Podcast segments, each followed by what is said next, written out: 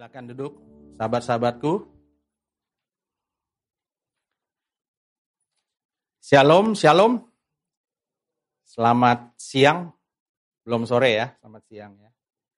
Ya bersyukur hari ini ada di tempat ini bersama-sama. Saya percaya bahwa kasih karunia Bapa yang memampukan kita untuk terus berjalan dalam panggilan Bapa. Ya, karena kita percaya bahwa kita walaupun kita masih muda, mungkin merasa aduh, siapakah saya ini masih kecil. Tapi lihat, ada panggilan dalam hidupmu. Ada bukan hanya keselamatan, Bapak tidak memanggilmu hanya untuk selamat. Tapi Bapak memanggil untuk memberitakan menjadi terang bagi bangsa-bangsa. Kita akan terus membawa terang itu. Tapi terang itu tidak mungkin sampai kepada bangsa-bangsa kalau kita sendiri banyak menutupi terang itu. Setiap hidup kita, setiap hidup sahabat-sahabatku di tempat ini yang percaya, yang menerima Kristus, pasti di dalam hidupnya itu ada terang. Ya. Karena Kristus adalah terang dunia. Bahkan Kristus berkata, "Kamulah terang dunia." Kamu itu siapa? Sahabat-sahabat semua di tempat ini, kamulah terang dunia. Tuhan bilang, ya, kamu akan menjadi terang. Bangkitlah, menjadi teranglah. Itu firman Tuhan. Dan waktu engkau ambil personal kata-kata itu, hari ini engkau akan menjadi terang. Tapi untuk membawa terang itu tidak bisa pakai cara kita sendiri. Tidak bisa menggunakan membawa kemampuan kita sendiri. Saya mau bawa Kemampuan saya untuk menjadi terang. Dengan apa? Dengan prestasi, dengan apa lagi? Dengan kehebatan. Itu semua baik. Tapi kalau itu yang menjadi tujuan hidup kita, kita sudah belajar bahwa Yesus adalah pusat dan tujuan hidup saya. Di dalam perjalanannya, kita perlu untuk membawa kasih karunia. Dan di dalam kasih karunia ini, kita sudah belajar menerima kelimpahan kasih karunia dan meneruskannya minggu lalu, ya, meneruskan kelimpahan kasih karunia. Karena bukan cuma menerima, tapi kita perlu meneruskan. Dan di dalam kasih karunia itu, kita sudah melihat bahwa kita akan hidup di dalam ketenangan, ada rest di situ. Karena Bapak membawa kita untuk menerima ketenangan itu. Ya, bukan Bapak membawa kita kepada pekerjaan-pekerjaan yang banyak, pelayanan-pelayanan yang banyak. Ya, Yesus tidak memuji, buk, tidak memuji tapi juga tidak mencelah Marta yang kisruh ya, sana kemari ingin melakukan banyak hal, tapi dia justru berkata bahwa Maria lah yang sudah mengambil bagian yang terbaik, memilih bagian yang terbaik. Hari ini sahabat-sahabat semua mau memilih bagian apa?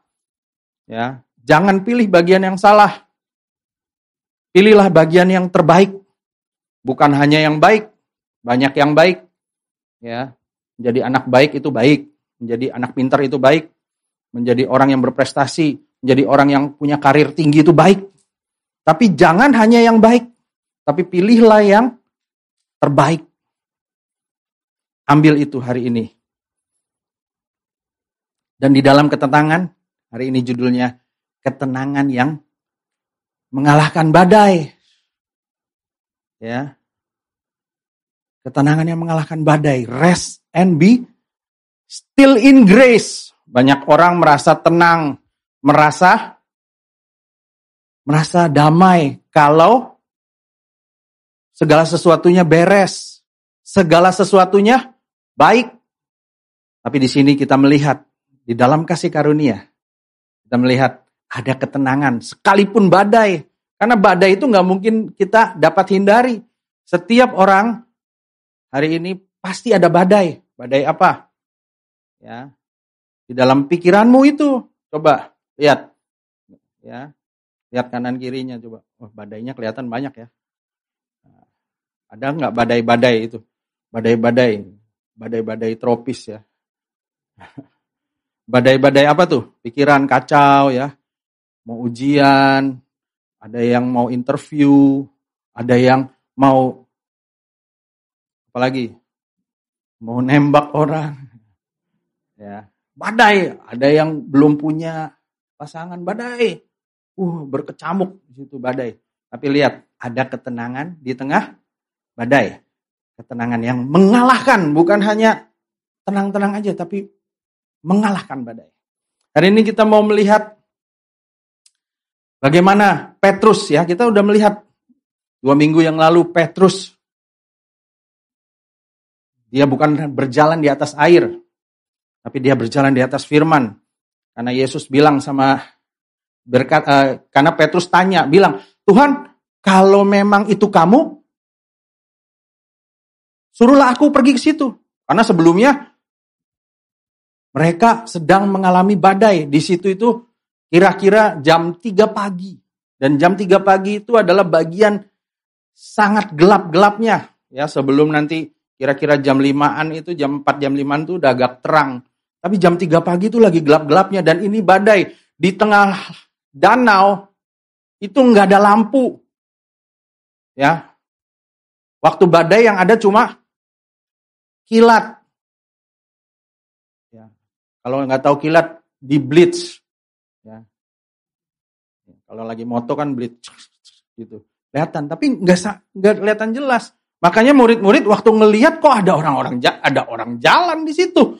Wah, ini di tengah danau dan mereka sedang sudah mungkin dari sore sampai dari sore kira-kira jam 6 sampai jam 3 pagi itu udah 9 jam. Dan mereka hanya berjalan sudah sudah terombang-ambing di situ badai. Badai kena angin sakal. Dan ada orang Tiba-tiba di tengah situ jalan. Dan insting pertama daripada murid-muridnya adalah itu adalah hantu. Karena nggak mungkin orang bisa jalan di atas air, nggak mungkin. Nggak mungkin ya. Pernah ada yang bisa jalan di atas air? Nggak ada. Di situlah dia bilang, dia pekanya sama hantu. Wah, hantu nih. Padahal Tuhan bilang, dar jalanlah dulu. Dia pasti nyusul. Cuma dia pikir ini siapa nih? Gak mungkin. Dia gak percaya bahwa itu Tuhan. Jadi dia pikir itu hantu. Berapa banyak sahabat-sahabatku di dalam perjalanannya. Pekanya sama yang jelek-jelek. Kalau ditanya sama kakak PKS atau PA, e, nanti kita ketemuan. Langsung pikirannya, ada apa gua? Ada masalah apa ini? Ya, sekolah ditanya eh, guru BK nanya mau manggil? BK tahu ya. Ada kan BK ya? Bimbingan konseling ya. Wah pasti ada masalah ini. Wah udah. Merasa kayaknya kacau hidupnya. Langsung. Kalau ada sesuatu dipanggil. Apalagi dipanggil misalnya dipanggil orang tua orang tuanya ini jarang manggil. Wah pasti gue salah lagi nih Pekanya sama yang jelek, jelek. Berapa banyak sahabat-sahabat peka sama yang jelek, bukan peka terhadap yang baik. Ya, kita nggak tahu, kita nggak merasakan hal yang baik dari Bapak. Seharusnya kita peka terhadap di dalam kelimpahan kasih karunia kita lebih sadar akan kasih Bapak, bukan yang lain. Di sinilah kita melihat murid-murid pekanya sama yang kurang baik, yang tidak baik. Wih, hantu nih. Begitu sampai di sana, dikatakan tadi, waktu ayat pertama itu, di Matius berapa tadi? 14 itu ya. Uh, sebelumnya yang tadi dibacakan Kasela, wah takut. Yesus langsung menenangkan badai itu. Enggak ya. Yesus menenangkan siapa? Murid-muridnya terlebih dahulu. Bukan menenangkan badainya. Sehingga dia berkata, tenanglah, aku ini jangan takut. Dan di situlah Petrus berkata, suruhlah aku. Ya sudah, ini, ayo kalau mau. Petrus yang lebih cepat, yang lebih berani. Banyak orang-orang yang kayak gitu, cepat. Eh, lakukan apa? Cepat. Lakukan apa? Ini, dapat firman. Ya, cepat, yes, langsung lakukan. Hari ini juga lakukan. Diminta ini, langsung lakukan. Tapi bukan cuma melakukan, bukan cuma mengambil firman. Ternyata saya perlu teguh berjalan di atas firman itu. Sehingga waktu dirasakannya, nanti kita lihat, dirasakannya kemarin itu ya, dirasakannya gelombang itu. Jadi Petrus pertama kali berjalan dia senang aja jalan kan. Wes, Yesus nih, Yesus nih, Yesus nih. Wah, Yesus nih. Tapi Yesus kok mana? Yesus mulai hilang. Dalam perjalanannya sahabat-sahabat juga gitu waktu dapat firman, wah, bergembira, senang. Tapi lihat apakah kita terus nggak fokus sama dengan apa yang menjadi firman kehendak Bapa. Sehingga tidak merasakan, tidak lagi dibawa perasaan. Kok dikit-dikit nanti akhirnya jadi dikit-dikit bawa perasaan, baper. Butuh, butuh healing. Pergi ke mana maunya rest. Jadi for forest, pergi ke hutan gitu. Nah, di sinilah Yesus bilang sama Petrus. Tapi luar biasanya Yesus nggak bilangnya waktu dia kelelep ya. Petrus kelelep-kelelep gitu, dia ngomong makanya percaya dong. Ya. Ya gitu. Ya. Enggak loh. Lihat. Yesus segera Yesus mengulurkan tangannya, memegang dia dan berkata, "Hai orang yang kurang percaya, mengapa engkau bimbang?" Mengapa engkau bimbang? Mengapa engkau ragu? Lalu mereka naik ke perahu dan angin pun redalah. Waktu mereka naik ke situ, bersama-sama Petrus, bersama Yesus naik ke perahu itu, angin pun redalah. Yesus cuma bilang, kenapa kamu tuh kurang percaya? Dan di sinilah di ayat Yohanes 6, ayat paralel. Mereka mau menaikkan dia ke dalam perahu. Murid-murid itu rela untuk membawa Yesus. Di sinilah kita melihat kita perlu rela untuk membiarkan kasih karunia itu bekerja dalam hidup kita. Seberapa banyak sahabat-sahabat semua melakukannya dengan kekuatan. Mau jadi orang yang paling pinter di seluruh sekolah, Kenapa? Karena marah. Karena diomelin di rumah. Kamu tuh bisanya main game aja. Ya, wifi dimatiin, kuota dibatasin. Ya, kuotanya cuma bisa, bisa buat WA aja. Ya, 100 mega per bulan. Asal buat teks doang. Ya, nggak bisa insta story, nggak bisa apalagi gitu ya. Sangat dibatasi dan akhirnya marah. Saya harus tunjukkan kepada orang tua saya bahwa saya berhasil. Ya. Saya mesti tunjukkan bahwa saya bisa. Banyak kita marah. Saya juga dulu pernah marah. Saya mau tunjukkan bahwa saya nggak butuh. Saya saya nggak butuh orang tua waktu itu. Saya dengan berbagai cara saya dapatkan ya saya nggak butuh uang sampai terakhir ya saya pernah waktu mau menikah, mau menikah itu, saya nggak butuh uang orang tua. Saya sampai seperti itu. Buat saya, yang penting kebetulan ibu saya, mama saya sudah meninggal waktu itu. Jadi tinggal papa saya. Dan saya punya kemarahan banyak sama papa saya waktu itu. Kenapa? Karena ya dari kecil saya menyimpan itu. Padahal saya sudah orang percaya. Padahal sudah ikut hati Bapak banyak tapi tidak diselesaikan, tidak diakui dan menjadi sembuh. Oke, di awal sembuh, tapi lanjutnya teringat kembali, menyimpan kembali jadi sampah. Sehingga banyak kemarahan. Sehingga waktu mau menikah, yang penting kamu datang, yang penting papa datang. Gak usah ngapa-ngapain, just saya beliin. Saya bikinin, kamu duduk aja salaman sama orang. Udah. Saking marahnya seperti itu. Dan itulah yang membuat saya tidak hidup dalam kasih karunia. Banyak kemarahan, banyak keinginan, ingin menunjukkan banyak hal. Dan di situlah saya, di situ banyak stres. Ya, wajahnya bisa senyum tapi pikirannya stres. Sehingga sering bukan cuma senyum, jadi senyum-senyum sendiri. Orang stres kan gitu, senyum-senyum sendiri ya.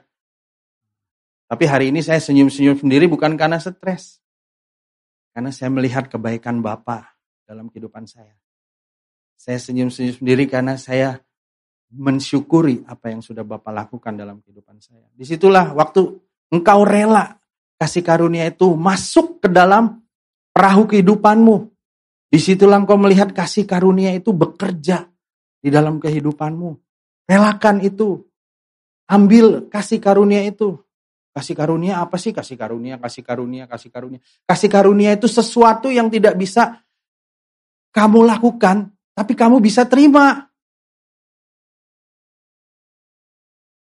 Karena Bapak telah menerima hidupmu. Di situlah engkau melihat bahwa kamu tidak perlu lagi menjadi orang lain. Tapi kamu ah, menjadi pribadi, seorang anak yang sangat dikasihi Bapa. Murid-murid mau memasukkan Yesus ke perahunya.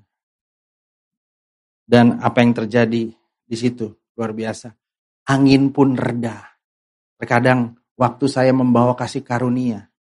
Dan setiap kali saya membawa kasih karunia itu, mengizinkan kasih karunia itu masuk. Membawa saya kepada keberanian untuk berjalan terus. Sehingga saya melihat ternyata semuanya itu reda. Ya. Banyak di dalam pikiran sering kali berkecamuk. Waktu mau misalnya mau hubungin orang, nelpon. Ya, nanti orang itu ngomong apa. Nanti kalau dia nolak gimana? Nanti kalau dia marah gimana? Pikiran berkecamuk. Tapi waktu saya melihat hidup saya sebagai pribadi yang dikasihi, saya melihat kasih karunia, ya ya mungkin juga nggak apa-apa lah. Toh saya mau mengatakan sesuatu hal yang benar, bukan hal yang buruk, bukan hal yang tidak baik. Sehingga di situ saya rest. Dulu saya kalau mau sampaikan firman, langsung pikirannya kacau balon hijaunya mulai meletus. Di situ pikirannya kacau. Waduh, mau ngomong apa ya? Saya harus ngomong yang bagus supaya orang-orang terkesan. Melongo semua. Melongo semua karena nggak tahu saya ngomong apa mungkin ya. Tapi saya percaya di sini semua nggak ada yang melongo karena nggak ada yang kelihatan mulutnya. Semua pakai masker. Ya. Di situlah hidup saya mulai stres. Tapi hari ini waktu ada kata-kata rest, not stress, saya ambil. Iya ya, Tuhan tuh mau saya rest, saya tenang. Bukan karena kemampuan saya berbicara, bukan karena kehebatan saya berbicara, tapi karena kasih karunia Allah nyata buat sahabat-sahabat, buat orang-orang yang mendengarkan firman Tuhan. Karena itu bukan kata-kata saya, tapi kata-kata firman. Dan di sinilah angin pun reda.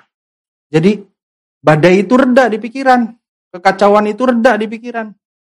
Karena saya membiarkan firman itu bekerja, kasih karunia itu bekerja, Yesus yang adalah firman, sang rema itu bekerja dalam kehidupan saya. Dan seketika itu juga pan, perahu itu sampai ke tempat yang mereka tuju. Sampai cepat, jus. Bayangin. Nggak perlu. Nggak perlu lama-lama lagi. Sedangkan ini udah 9 jam bergulat. Tapi waktu mereka memasukkan Kristus, memasukkan Yesus ke dalam perahu kehidupan, ternyata enak ya. Berapa banyak sahabat-sahabat selama ini bergumul dengan kekuatan sendiri. Tapi waktu nurut nih, diarahkan. Udah kamu lepaskan aja, ampuni aja. Ih, enak ya. Enteng ya. Gampang ya. Kenapa nggak dari dulu? Ya dari dulu dari kasih tahu nggak pada nurut gitu aja. Enggak di sini enggak. Enggak ada yang sadar. ya, di situlah kita melihat ternyata cepat selesai. Bukan berarti enggak ada masalah. Nah, kita lihat dalam ya bagaimana Tuhan berkata, "Hai kamu orang yang kurang percaya, kamu nih imannya bukan imannya sedikit, Padahal aku nih sudah kasih banyak. Aku ini sudah kasih banyak buat kamu dalam perjalanannya. Tapi kamu ngambilnya sedikit. Aku maunya yang ini aja. Yang itu sih nggak mau dengerin. Kayaknya yang itu ngomongnya nggak enak deh. Maunya yang gampang-gampang aja. Kalau urusan eh, apa? Eh, engkau akan berbuah 30 kali apa? 30 kali lipat, 60 kali lipat, 100 kali lipat. Mau yang itu. Yang berkat-berkat itu mau. Yang ini mah susah, jangan, nggak mau. Jadi dibuang. Ngambilnya cuma sedikit. Yang mudah mau. Yang kelihatannya susah, nggak mau. Mengampuni, nggak mau. Enak di dia. Masa gue suruh ngampunin? Masa saya suruh ngampunin? Enak di dia. Karena ngambilnya sedikit. Sehingga hidup kita berada banyak dalam keraguan. Makanya banyak anak-anak Tuhan tuh nggak tahu mau ngapain. Ya, di sini pada tahu ya. Saya datang ke sini mau ikut ibadah, mau dengar firman. Aku haus sama seperti orang Samaria itu. Ya wanita Samaria itu haus. Nah, di sini kan semuanya tahu ya. Di luar sana banyak yang nggak tahu ngapain sih ikut-ikut komsel, ngapain sih ikut-ikut ibadah lagi. Habis ibadah nanti ada nobar, nanti ada komsel, nanti ada pemuritan, nanti ada apa? Ada ada ketemu sama ketemu sama itu lari-lari pagi lagi. Hmm. Mulai ajak-ajak lagi lari pagi. Udah paling nggak suka lari pagi. Kalau lari dari kenyataan suka. Lari pagi saya paling nggak suka. Ya. Tapi di situlah saya justru mengambil banyak. Kenapa kita nggak mau ambil banyak yang sudah diberikan berlimpah oleh Bapa? Makanya jangan abaikan sahabat-sahabat. Waktu engkau sedang ditolong, waktu engkau sedang diajak, waktu engkau sedang diberikan kata-kata yang baik, dikit-dikit kasih karunia, kasih karunia, ada pimpinan Bapak, ada kasih karunia. Saya ini lagi banyak masalah, saya butuhnya solusi, bukan kasih karunia. Langsung di blok. Gak ada kasih karunia, kasih karuniaan. Biarkan firman itu bekerja. Terima dengan lembut. Makanya Yesus bilang, belajarlah kepadaku, aku ini lemah lembut dan rendah hati. Dan jiwamu mendapat rest, ketenangan. Orang banyak cari ketenangan di tempat-tempat yang tidak tenang. Ya kan? Banyak cari ketenangan. Udah nggak tenang di situ, pengen tenang. Ya pasti nggak tenang. Ya, kalau zaman dulu kan lah dibilang asik, yang memang asik. Gudak, guduk, nggak tenang, tapi cari ketenangan di situ. Kan aneh. Cari ketenangan itu di dalam kasih karunia aku mau melepaskan. Banyak hal dalam pikiranku.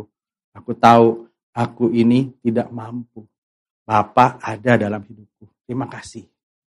Dan di situlah saat saya memberi ruang kepada kasih karunia untuk bekerja dalam hidup saya, maka saya dapat melihat penyertaan Bapa dan kemurahan Bapa jauh lebih nyata daripada semua yang ada, semua yang menerpa, semua kesulitan, Jauh lebih nyata. Jadi nggak peka bahwa itu hantu, bukan. Itu Yesus. Itulah Tuhan. Oh iya dia mau menyelamatkan aku.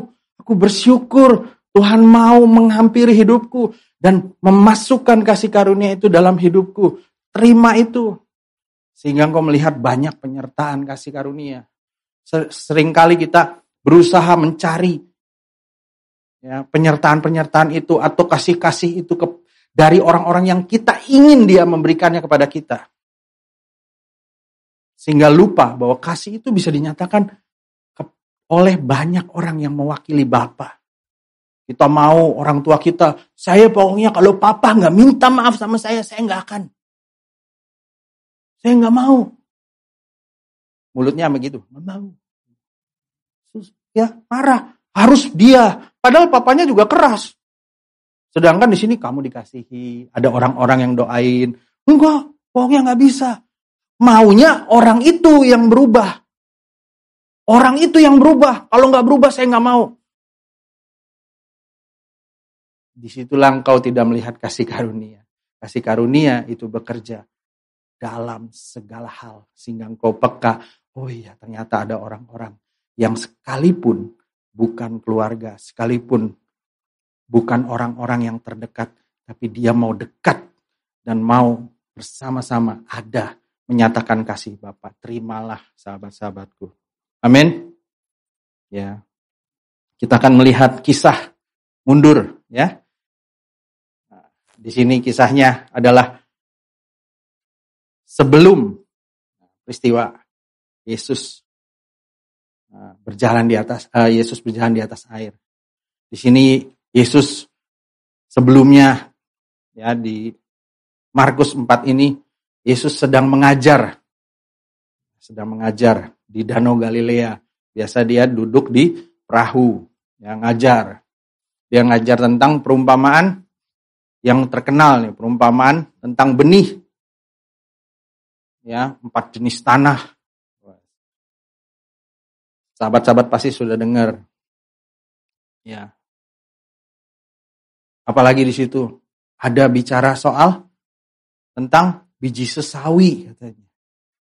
Bicara soal tudung dan pelita itu harus ditaruh di atas gantang banyak perumpamaan-perumpamaan luar biasa sudah disampaikan, pengajaran-pengajaran yang luar biasa sudah disampaikan. Dan kemudian Yesus menyelesaikan pengajarannya, pembelajarannya, dan dia bilang sama murid-muridnya, pada hari itu, waktu hari sudah petang, Yesus berkata kepada mereka, marilah kita bertolak ke seberang mereka meninggalkan orang banyak. Lalu bertolak membawa Yesus beserta dengan mereka dalam perahu di mana Yesus telah duduk dan perahu-perahu lain juga menyertai dia. Lalu mengamuklah taufan yang sangat dahsyat dan ombak menyembur masuk ke dalam perahu sehingga perahu itu mulai penuh dengan air, penuh dengan air, bukan penuh dengan ikan, penuh dengan air. Di Lukas berkata, sudah dalam kondisi yang bahaya. Ya, kalau naik pesawat itu bilang Mayday, Mayday, Mayday, Mayday gitu. Udah bahaya banget. SOS. Di sini dikatakan, tapi kita lihat waktu Yesus berkata, marilah kita bertolak ke seberang. Ada kata-kata Yesus. Kali ini Yesus yang bicara. Ayo yuk. Nah, kita mau melihat bahwa kata-kata ini adalah ajakan. Bahwa di dalam ketenangan dan untuk menang di atas badai, kita perlu dengar kata-kata Yesus. Kita perlu rela untuk berjalan di dalam arahan Bapa. Bapak bilang, Yesus bilang, ayo, yuk ke seberang. Nah, udah jalan nih, udah berangkat nih, nggak jalan sih naik kapal, ya, tapi di atas kapal bisa jalan-jalan. Nggak mau salah aja. Nah, maksudnya sudah berlayar ke seberang, ya. Tapi ternyata tidak sesuai ekspektasi kali ini, ya. Tapi kali ini Yesus ada di perahu. Sebelumnya kan nggak ada, ya kan? Yang kemarin nggak ada. Sekarang ada nih, wah, bangga bawa Yesus. Masa sih kalau ada Yesus tuh nggak ada masalah? Eh ada masalah ya? Masa sih ada badai siapa? Kalau biasa kan kita gitu bawa backingan. Kalau ah, dulu kan bawa kalau masih kecil bawa orang tua. Hmm. Ya, siapa yang kemarin nantang? ya, kecil-kecil ya, ya. Itu pak yang mukulin saya. Sini, yuk. Gitu. Waktu masih kecil ada backingan. Kalau udah gede cari backingannya yang lain ya. Ah, backingannya, plat nomornya berbeda, backingan ya kan. Banyak backingannya, nanti backingan ini, backingan itu. Wah ini merasa ada backingan Yesus. Wih, luar biasa. Baru ngajar. Kan dahsyat nih. Ya. Dan di sini mulai. Ternyata di dalam perjalanannya Ya. Nah, di sini kita mulai dalam hidup kita. Kita perlu ya untuk membawa Yesus masuk. Nah, ini baru bawa Yesus masuk nih. Yesus adalah firman Ya, akulah jalan dan kebenaran dan hidup. Ambil rema itu. Jadi untuk bisa tenang dan menang, kita perlu rela berjalan di, arahan, di dalam arahan Bapak. Saya perlu membawa masuk firman itu, tidak melepaskan. Jangan lepaskan firman. Jangan hidup di dalam kasih, eh, di luar kasih karunia. Jangan lepaskan. Pegang itu firman. Makanya mulai bawa. Nah, jalan, udah mulai bawa firman. Tiap kali kalau kaget, Allah besertaku. Kaget. Gadamu dan tokatmu itulah yang menghibur aku. Kagetnya, udah bawa firman, puji Tuhan, amin. Ya kan? Lihat kanan kiri, banyak barang-barang bagus. I shall not want. Ya kan? Kalau saya lain, saya narik istri saya, you shall not want. Enggak, ya kan? Enggak. Ya. Tuhan adalah gembalaku, takkan kekurangan aku. Ambil lihat-lihat, takkan kekurangan aku. Gitu. Itu firman, udah mulai. Ya, sudah mulai bawa. Tapi pegang teguh. Tadi saya bilang jangan cuma bawa firman itu. Tapi ingat, waktu kita ada berjalan di dalam firman, ternyata badai itu tetap ada. Ternyata masih ada aja. Ada aja masalah sudah ikut komsel, sudah ikut pemuritan, sudah bertahun-tahun ikut di pemuritan, bahkan sudah menolong, menemani orang, sudah jadi PKS, sudah jadi PA, tetap ada masalah. Kita dulu selalu berkata, kamu sih enak, gak ada masalah. Siapa bilang? Ya kan? Kadang kita suka diomong gitu, wah kakak sih enak, gak ngerti masalah saya kakak mah nggak ada masalah, makanya senang-senang aja. Ya mungkin dia masalahnya lebih besar, tapi masalahnya kamu berpikir masalah kamu lebih besar dari masalah dia. Itu aja perbedaannya. Jadi mengamuk di situ. Tapi lihat bagaimana kita perlu ya di dalam hidup kita. Seringkali waktu kita mau berjalan dalam firman, ternyata dalam Markus. Padahal tadi baru diceritain ya. Sebelumnya kan udah di, sebelumnya udah diceritain. Ini sama nih perikopnya di Markus 14 eh di Markus 4 ayat 17. Jadi sebelum berangkat Yesus itu sudah ngajarin bahwa nanti kalau kamu dengar firman, kalau kamu terima firman, ada penganiayaan dan penindasan oleh karena firman itu sama seperti waktu firman itu jatuh ke tanah yang berbatu. Kalau dia kenapa berbatu? Karena eh, apa? Karena ada batunya ya tanah berbatu ya. Waktu firman itu jatuh tidak berakar kuat. Panas matahari membuat dia mati. Akarnya tidak dalam. Sehingga dia lepas. Dia menolak. Baru diajarin. Itu murid-murid sih, yes, bukan gua sih. Gua mah tanah subur. Ya, saya percaya murid-murid itu, apalagi Petrus ya, enggak sekali-kali. Nggak mungkin, saya itu pasti tanah subur. Dia mikirin yang lain. Itu kayaknya Tuhan lagi ngomongin Yakobus. Oh bukan, si Thomas tuh kayaknya dia kurang percaya aja. Nah, kita mulai ya, waktu dengar firman, kadang kita mikir, ini kayaknya lagi kakak ini lagi ngomongin yang ini. Ngomongin yang itu. Oh iya, mulai pikiran itu. Ya, dalam pikiran firman itu buat orang lain nembakin sana bagus. Syukurin lu, pasti ketembak, ketemplak, ketampar kan? Iya, iya. Kayak gitu kan, seneng kan kalau ada firman yang kayaknya nembakin orang. Ya enggak di sini, maksudnya ada. Tapi lihat, waktu penindasan itu membuktikan bagaimana kita menerima meresponi firman. Makanya sebagai orang yang rela berjalan dalam arahan Bapak, tidak menjadikan situasi atau kejadian buruk itu sebagai satu pengganti arah. Aduh udah pulang aja lah, ngapain sih ikut kayak beginian? Ngapain sih ikut R&D R&Dian? Ngapain sih ikut? Kan nanti pertemuan sana, pertemuan sini, diajak makan sana, diajak makan sini. Udah pulang sampai malam. Apalagi nanti banyak hal-hal yang mesti seolah-olah dilakukan. dengerin firman lagi. Ya. Mesti bareng-bareng dengerin lagi. Kumpul lagi. Ya, biasa sih kalau remaja seneng kumpul ya. Kadang ada beberapa orang yang nggak seneng kumpul. Senengnya, senengnya ini. Apaan sih? Orang tuanya bilang, udah kamu jangan main game aja di dalam rumah. Mainlah keluar. Ya udah, dia ambil gamenya, mainnya di luar. Nah, kan saya nurut, saya taat. Ya. Di situlah banyak hal terjadi. Mengganti, mulai mengganti arah.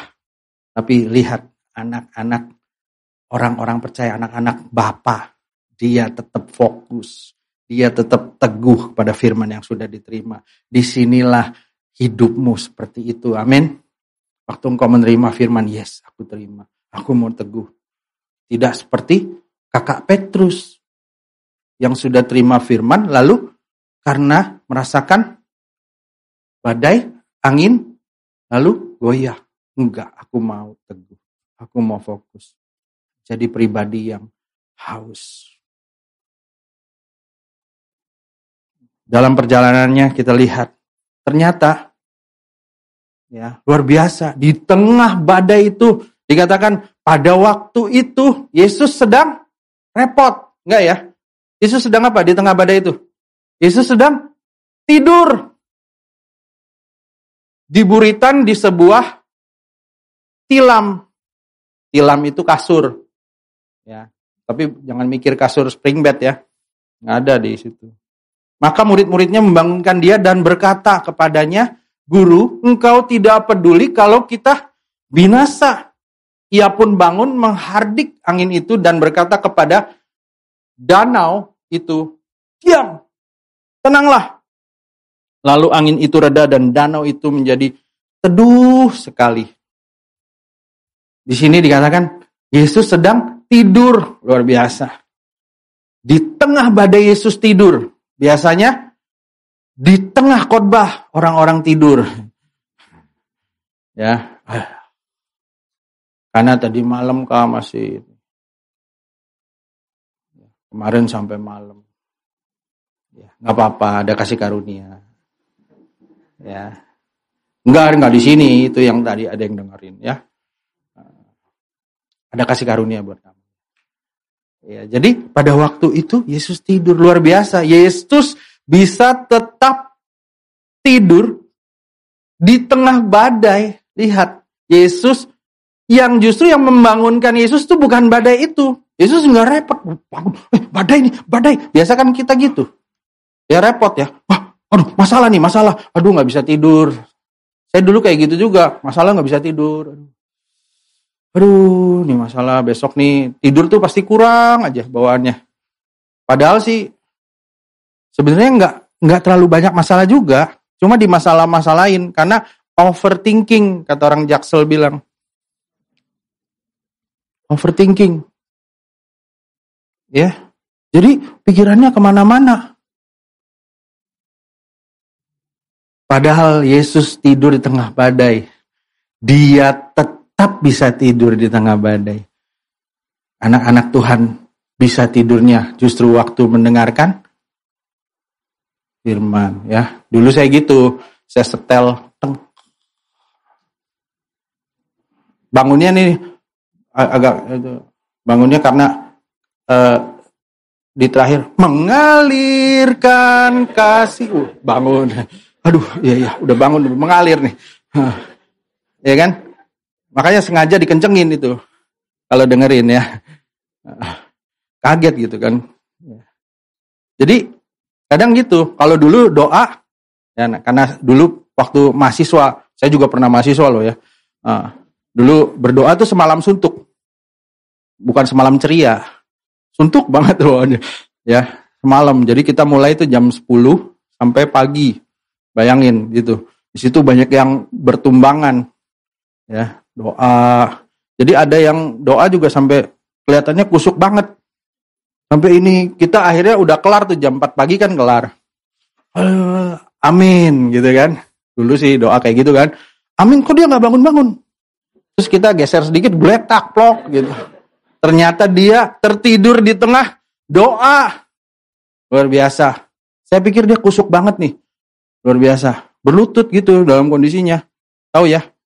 Nggak perlu saya peragain ya. Nyembah. Gitu. Jadi sangat kusuk. Saya kaget juga. Diginin nggak taunya. Pluk. Jatuh. Ternyata. Ada juga yang kelihatannya berdoa. Nggak tahu bunyi. akhirnya saya bilang sama yang main gitar, kencengin, kencengin. Ikutan nyanyi, kenceng. Haleluya. Eh, itu, kayak gitu. Jadi banyak orang-orang tertidur waktu mau menerima kebenaran. Waktu sedang ada di dalam sesuatu yang justru penting buat hidupnya. Itu sahabat-sahabat banyak mengabaikan. Tadi dikatakan ada pengabaian. Kenapa nggak mau ambil bagian yang terbaik? Haus. Ayo aku kapan lagi pemuritan kak? Ayo kak, jangan cuma dua minggu sekali nih kak. Boleh nggak seminggu sekali? Ya boleh aja kalau kakaknya masih bisa. ya. Nanti saya dikomplain sama kakaknya. enggak, enggak. Kakak-kakak udah dewasa. Ya, di sini lihat. Mulai, ia pun bangun dan mulai menghardik. Siapa yang bangun? Yang tidur lah ya, yang bangun. Yang tidur kan Yesus. Dia mulai bangun. Menghardik angin dan berkata pada danau itu, diam. Tenanglah. Ya, sekalipun dia tidur di tengah badai. Yesus itu bisa tidur tengah badai. Kalau kita tidurnya justru waktu tidak ada badai, lagi tenang-tenangnya, merasa perlu bisa tidur. Kalau lagi badai, sulit tidur. Tapi di sinilah kita perlu menghardik. Waktu badai itu ada, kita perlu dengan kuasa Tuhan. Bangun dengan otoritas ilahi. Ya, Usir badai keributan itu. Badai-badai apa dalam pikiranmu? Badai bullying temen, ya.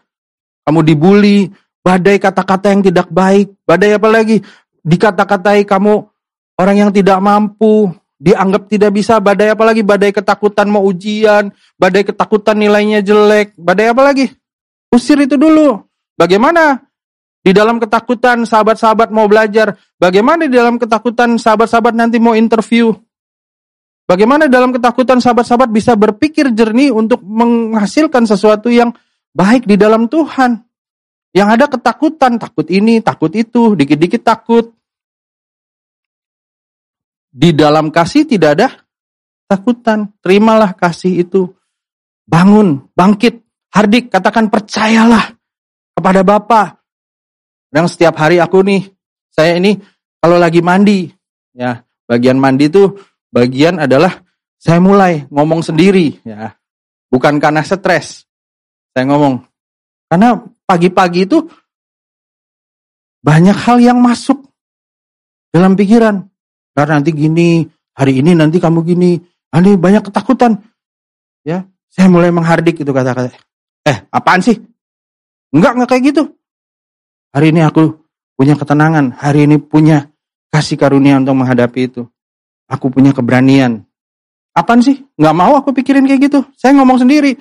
Sehingga Kapan lalu karena lagi itu kedengeran ngomong sendiri. Kenapa? Gak apa-apa.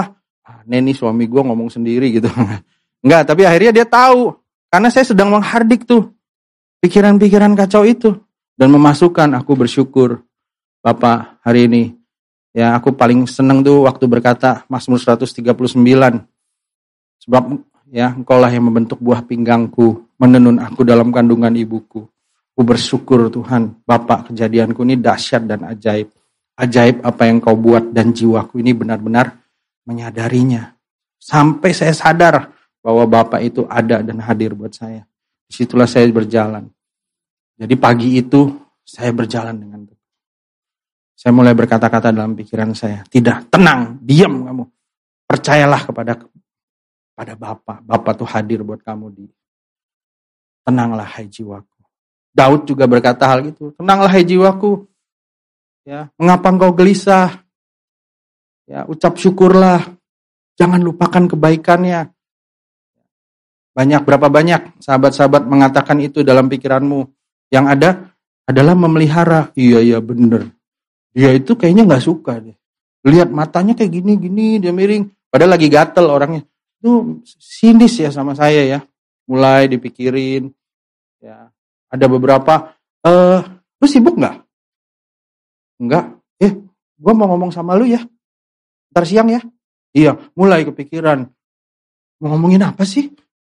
Kok nggak ngomong aja? Aduh, dia pasti mau ngomongin ini deh, mau ngomongin itu deh, mau ngomongin ini.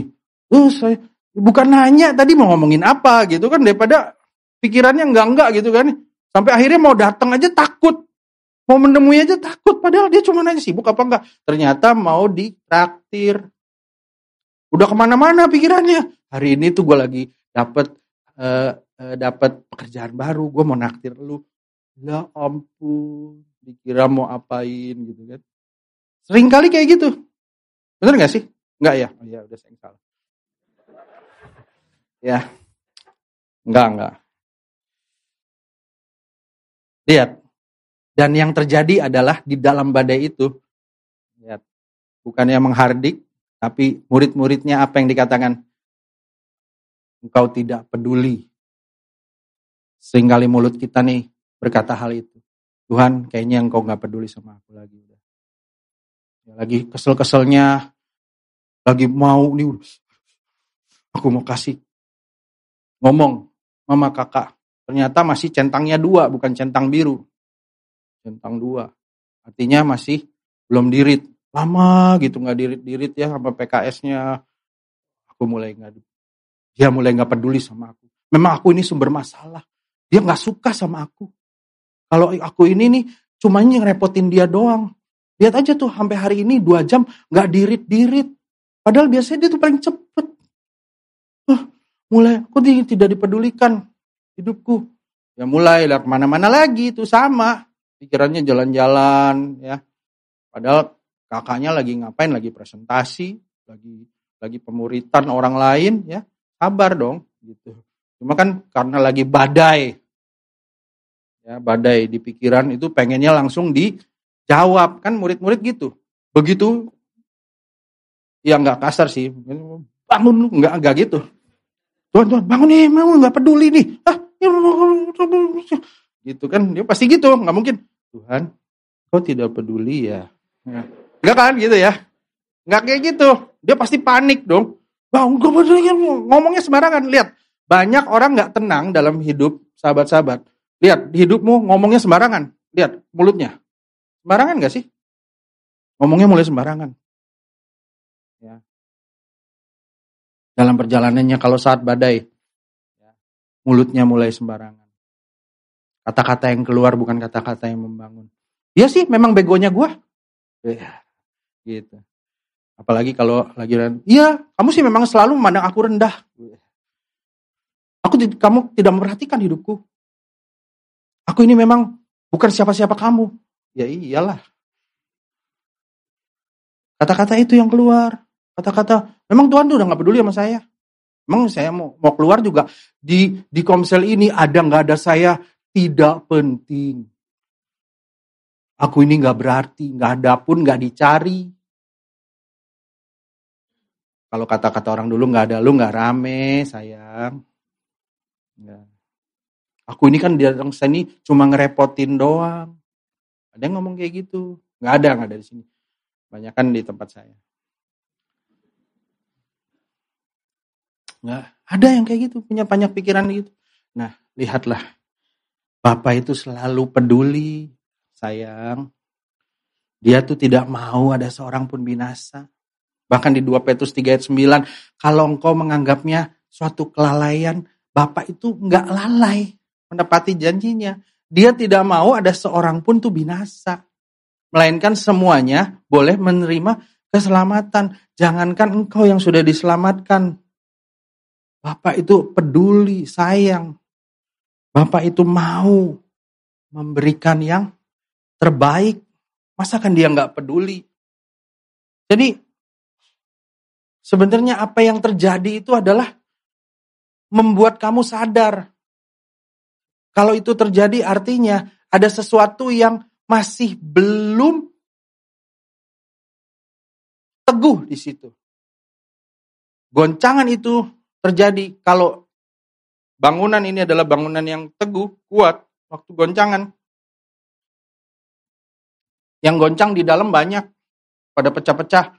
Tapi kalau bangunan ini anti gempa, ya dia tidak akan mengalami apa-apa. Goncangan itu hanya menggoncang yang dapat tergoncangkan. Badai hanya dapat menggoncangkan apa yang dapat digoncang, tapi tidak pernah bisa mengambil apa-apa yang benar dari Bapa. Kalau engkau mengambil sesuatu yang benar dari Bapa, terus-menerus membawa kehidupan dari Bapa yang benar firman. Firman itu biarpun gunung-gunung beranjak. Sering nyanyi ya lagunya ya.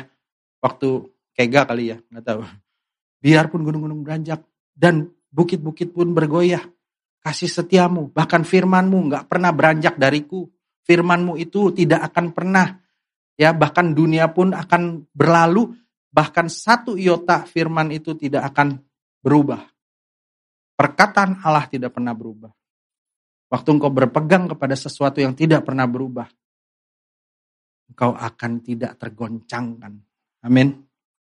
Tapi sering kali engkau berpegang pada perkataan-perkataan orang yang suka berubah-ubah. Hari ini engkau melakukan baik, dia akan bilang bagus. Hari terus besoknya bilang jelek, jelek. Jadi mana yang benar, bagus apa jelek? Tapi firman Tuhan gak pernah berubah. Engkau oleh karena engkau berharga di mataku, mulia dalam pandanganku dan aku ini mengasihi engkau. Kata-kata itu tidak pernah berubah dulu, sekarang, dan selamanya. Sampai masa tuamu, aku tetap dia. Sampai putih rambutmu. Hari ini belum ada yang putih ya.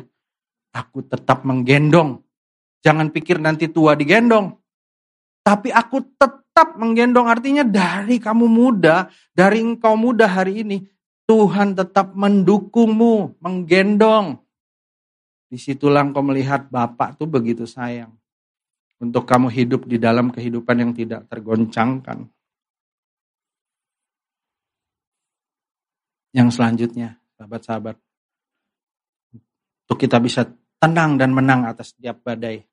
Dikatakan di sini, mengapa kamu begitu takut? Kenapa takut? Mengapa kamu tidak percaya? Lukas 8 ayat 25 Lalu katanya kepada mereka, di mana kepercayaanmu? Ya. Dan dalam perikop yang sama, dikatakan di dalam Matius 8 ayat 26a dikatakan, mengapa kamu takut? Kamu yang kurang percaya. Kurang percaya ini bukan tidak ada iman tadi.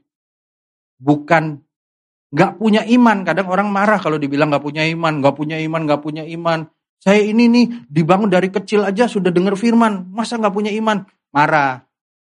Bukan, bukan gak punya iman. Kamu imannya masih sedikit, little faith. Oligo pistos, oligo itu sedikit, pistos itu percaya. Kamu percayanya masih sedikit. Kamu perlu ambil percaya itu yang banyak iman itu bangun dalam hidupmu. Makanya iman timbul dari pendengaran-pendengaran akan firman Kristus, akan rema. Ambil setiap firman, firman Kristus itu secara personal dalam hidupmu. Mengapa kamu begitu takut? Dia nggak ngomongnya sambil marah. Mengapa kamu begitu takut? Enggak. Mengapa kau begitu takut? Dia tuh begitu sayang. Tuhan tuh sayang banget sama. Bapak itu sayang banget sama kehidupanmu. Kenapa sih engkau takut? Kenapa kok kamu kurang percaya? Aku ini punya banyak. Kamu ambil dong. Makanya waktu Yesus bertemu dengan perempuan Samaria itu dia berkata, kalau engkau tahu kepada siapa engkau kepada siapa dia yang berkata berilah aku minum, kau pasti akan meminta kepadanya sumber air yang tidak akan pernah habis. Dan dia bilang, aku mau Tuhan. Hari ini ada firman yang disampaikan, katakan pada Bapak, aku mau Bapak. Aku mau ambil itu. Aku mau terus bawa itu. Sekalipun aku masih muda, Daud itu masih muda, tapi hidupnya terus membawa firman. Sampai dia ingat apa yang dilakukannya. Setelah dia punya kekuasaan, bukan dia melakukan yang lain. Dia mulai lihat, oh ini kayaknya nggak bener, ini kayaknya nggak beres. Enggak, dia nggak memperbaiki istananya. Yang dia lakukan, dia ingat adalah membawa tahbut Allah, membawa kehadiran Allah itulah yang Daud haus, Daud rindu. Dia waktu itu baru umur dari 17 tambah 13 kira-kira baru 30 tahun. Dia begitu rindu Bapak hadir buat bangsa itu. Begitu rindu. Kerinduan itu tidak tiba-tiba karena firman itu secara personal ia dapatkan setiap hari dalam hidupnya. Masalahnya banyak. Waktu dia hidupnya ditolak oleh ayah ibunya. Sekalipun ayah ibuku menolak aku, tapi engkau menerima aku. Kata-katanya personal. Engkau adalah gembalaku. Takkan kekurangan aku. Begitu personal karena Daud mengambil setiap rema secara personal. Adakah engkau hari ini sahabat-sahabatku di tempat ini mengambil setiap rema secara personal? Jangan-jangan kata-kata papamu, kata-kata mamamu yang gak baik mungkin kata-kata orang tua, atau kata-kata sahabat, atau kata-kata guru, atau kata-kata orang lain yang mungkin kau ambil, yang tidak baik dan kau simpan dalam hidupmu, sehingga kau menyimpan banyak hal. Daud berkata, dalam hatiku aku menyimpan janjimu, supaya aku jangan berdosa terhadap engkau. Apa yang kamu simpan hari ini?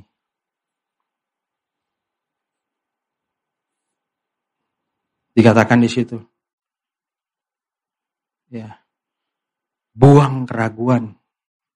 Karena engkau tidak percaya disatakan di situ. Mengapa engkau takut?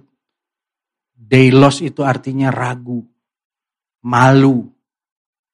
Dia punya banyak keraguan di dalam hati dan pikirannya. Dia tuh tidak bisa tahu apa yang Tuhan mau dia tuh banyak menyembunyikan ketakutan-ketakutan ya kalau dosa disembunyikan makin lama, kalau tidak diakui makin lama makin makin apa? Makin membuatmu merasa jauh. Wah, ini aku dosa. Begitu ditanya apa kabarnya? Wah, jangan-jangan kakak ini tahu aku melakukan dosa. Belum apa-apa baru tanya kabarnya belum tentu kakaknya tahu.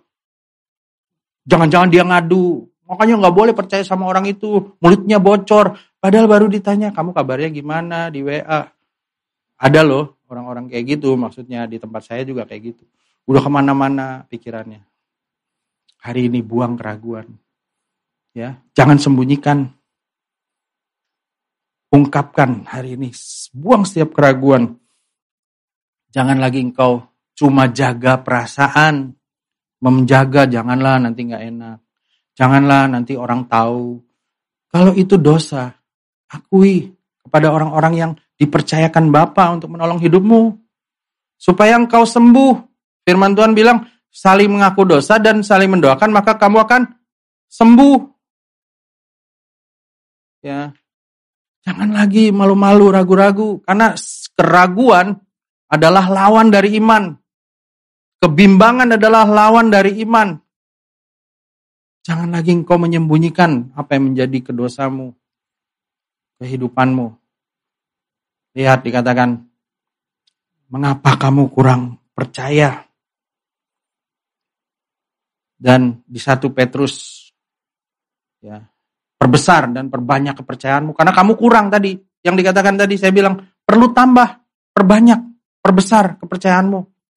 Ya, satu Petrus 5, ayatnya yang ketujuh dikatakan, serahkanlah kekhawatiranmu kepada Tuhan. Sebab ia yang memelihara hidupmu. Kalau kekhawatiran, enggak kak, aku enggak khawatir. Yang terjadi adalah kebanyakan, kalau bahasa uh, Inggrisnya lebih bagus buat saya ya, casting all your care. Artinya buanglah seluruh perhatianmu yang membuat engkau khawatir. Buanglah segala perhatianmu. Tadi ada beberapa orang karena terlalu banyak perhatian, ya, mikirin terlalu banyak orang, Bahkan sampai akhirnya kepikiran. Ada orang lagi jalan sama dia. Terus tanya mau ngapain. Oh ketemu di toko. Oh aku mau beli sesuatu. Terus apa yang kamu lakukan? Ya ketemu gitu terus. Oh mau beli ini. Iya. Kepikiran. Kepikirannya kenapa? Oh iya ya. Kok dia beli sesuatu kayaknya mikir-mikir. Kok saya beli sesuatu nggak mikir-mikir katanya. Aduh, jangan-jangan saya salah ya. kepikiran. Terus orang lain ngomong apa, dia kepikiran. Kepikiran nanti bagaimana ya? Kamu bisa, uh, saya bisa menolong dia. Kepikiran, ya. Bukan berarti, bukan berarti jahat, enggak. Tapi masalahnya kalau kau khawatir, di situlah kau sedang menumpuk perhatian yang salah. Kamu ingin menjadi Tuhan atas hidup orang lain. Buang itu semua. Membuang semua perhatian yang mendatangkan kekhawatiran. Bapak itu bukan hanya sanggup, tapi juga concern memperhatikan setiap hidupmu. Jadi jangan jangan kita menjadi kadang menjadi Tuhan. Nanti dia gimana ya? Nanti kalau dia kalau dia uh, ini berarti nanti salah saya. Ya, dalam perjalanannya saya juga dulu sering kayak gitu care karena takut nanti dia menolak saya. Banyak ketakutan-ketakutan. Nanti gimana ya kalau dia nggak mau datang lagi? Waduh, kemarin jangan-jangan saya nggak kasih dia minum, dia tersinggung. Jangan-jangan saya nggak ngajak dia pulang, dia tersinggung. Jangan-jangan, wah banyak tuh jangan-jangannya. Buang semua hal itu. Karena Bapak lah yang memperhatikan hidup setiap kita, bukan engkau. Tapi waktu saat engkau diperhatikan, kau memperhatikannya bukan karena kekhawatiran. Amin. Kau memperhatikannya karena engkau mengasihi dia. Serahkanlah sesuatu hal, segala hal yang membuat engkau khawatir. Di dalam Matius 14 ayat 27 dikatakan, yang tadi dikatakan, tenanglah aku ini, jangan takut. Be a good cheer. Tarseo. Tarseo itu artinya teguhlah. Teguh. Teguhlah. Ini aku, jangan takut. Kuatkanlah hatimu. Teguhlah. Be courageous. For I am with him. Ada Bapa, kita udah belajar ada Bapa yang senantiasa ada dalam hidup kita. Ada orang-orang yang mau memperhatikan hidup kita. Waktu ada orang-orang itu datang dalam kehidupanmu, ucapkan syukur. Jangan lari daripada orang-orang itu. Waktu ada orang-orang hadir mengajak engkau, membawa engkau, jangan kabur dari mereka. Justru di situlah Bapak hadir nyata, membawa hidupmu menjadi pribadi-pribadi yang paling dikasihi Bapak. Dan terakhir, saya mau meneguhkan sahabat-sahabat. Dan ini terjadi waktu Yesus ya dimuliakan di atas gunung. Ya, gunung mana nggak usah dicari, yang penting gunung. Ya. Di sini dikatakan jika engkau mau, ini Petrus yang ngomong, jika engkau mau, biar aku dirikan di sini tiga kemah. Satu untuk engkau, satu untuk Musa, satu untuk Elia, satu untuk Yesus, satu untuk Musa, satu untuk Elia. Dan tiba-tiba sedang ia berkata-kata, turunlah awan yang terang menaungi mereka. Dan dari dalam awan itu terdengar suara berkata, inilah anak yang kukasihi. Kepadanya aku berkenan. Ini terjadi waktu Yesus dibaptis. Inilah anak yang kukasih. Kepadanya lah aku berkenan. Tapi hari ini ada tambahannya. Ini berbeda. Waktu Yesus seming, uh, beberapa uh, minggu kemudian setelah Yesus dimuliakan di atas gunung, dia harus pergi untuk mengalami kematian di atas kayu salib. Di sinilah Bapak meneguhkan, inilah anak yang kasih. Kata-katanya, dengarkanlah dia, dengarkanlah. Bukan lagi dengarkan hukum, bukan lagi dengarkan tuntutan dalam hidupmu, dengarkanlah dia sang kasih karunia. Rema itu dengarkanlah dia. Dan Rema itu berkata, lalu Yesus datang kepada mereka dan menyentuh mereka sambil berkata, apa? Berdirilah, jangan takut, dengarkanlah. Hari ini waktu Rema itu berkata padamu, jangan takut anakku. Apa yang kau takutkan hari-hari ini? Takut masa depanmu? Ada beberapa takut kamu nggak punya pasangan, Takut mengenai pernikahanmu? Ada beberapa takut mengenai anakmu? Wah, ada juga kan ada yang punya anak di sini. Takut mengenai pekerjaanmu? Takut mengenai karirmu? Takut mengenai kuliahmu? Hari ini Rema itu, sang kasih karunia itu berkata, jangan takut. Hari ini saya mau menutupnya dengan statement ini. Saat saya tenang dan percaya akan penyertaan Bapa, saya dapat menaklukkan setiap bahaya dan badai yang ada. Sehingga melalui saya, terang Tuhan tetap dapat dinyatakan kepada bangsa-bangsa. Maukah sahabat-sahabat semua bersama-sama membaca statement ini? Satu, dua, tiga. Saat saya tenang dan percaya akan penyertaan Bapa, saya dapat menaklukkan setiap bahaya dan badai yang ada.